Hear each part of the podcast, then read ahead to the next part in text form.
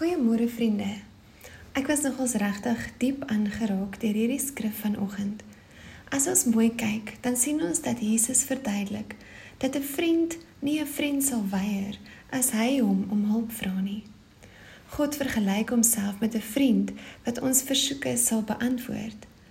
Hoe ongelooflik is dit nie om te dink dat God wat die heelal gemaak het en ons kunstig aan mekaar gewewe het, ons sy vriende noem nie. Dit is inderdaad wat ons geloof so uniek maak, want God is nie 'n onpersoonlike krag wat ver en onbereikbaar of ontoeganklik is nie. Nee, God vergelyk homself met 'n vriend wat naby, beskikbaar is en jou wil uithelp. Hy sê en dit is belangrik dat ons dan die vrymoedigheid moet neem om hom te vra wat ons nodig het en dat hy soos 'n vriend ons dan verseker sal help. Hierdie is eintlik so 'n welbekende skrifgedeelte, maar wil jy nie bietjie dink daaroor dat dit 'n wonder is dat God ons sy vriend noem nie?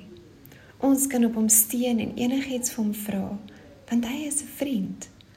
Mag jy vandag vrymoedigheid ervaar om na sy troon toe te kom met die wete dat God as vriend vir jou wag en jou met alles wil help wat jy nodig het en dat hy elke deur wat nodig is ook vir jou sal oopmaak. Ek bid dit vir jou in die naam van Jesus Christus. Amen.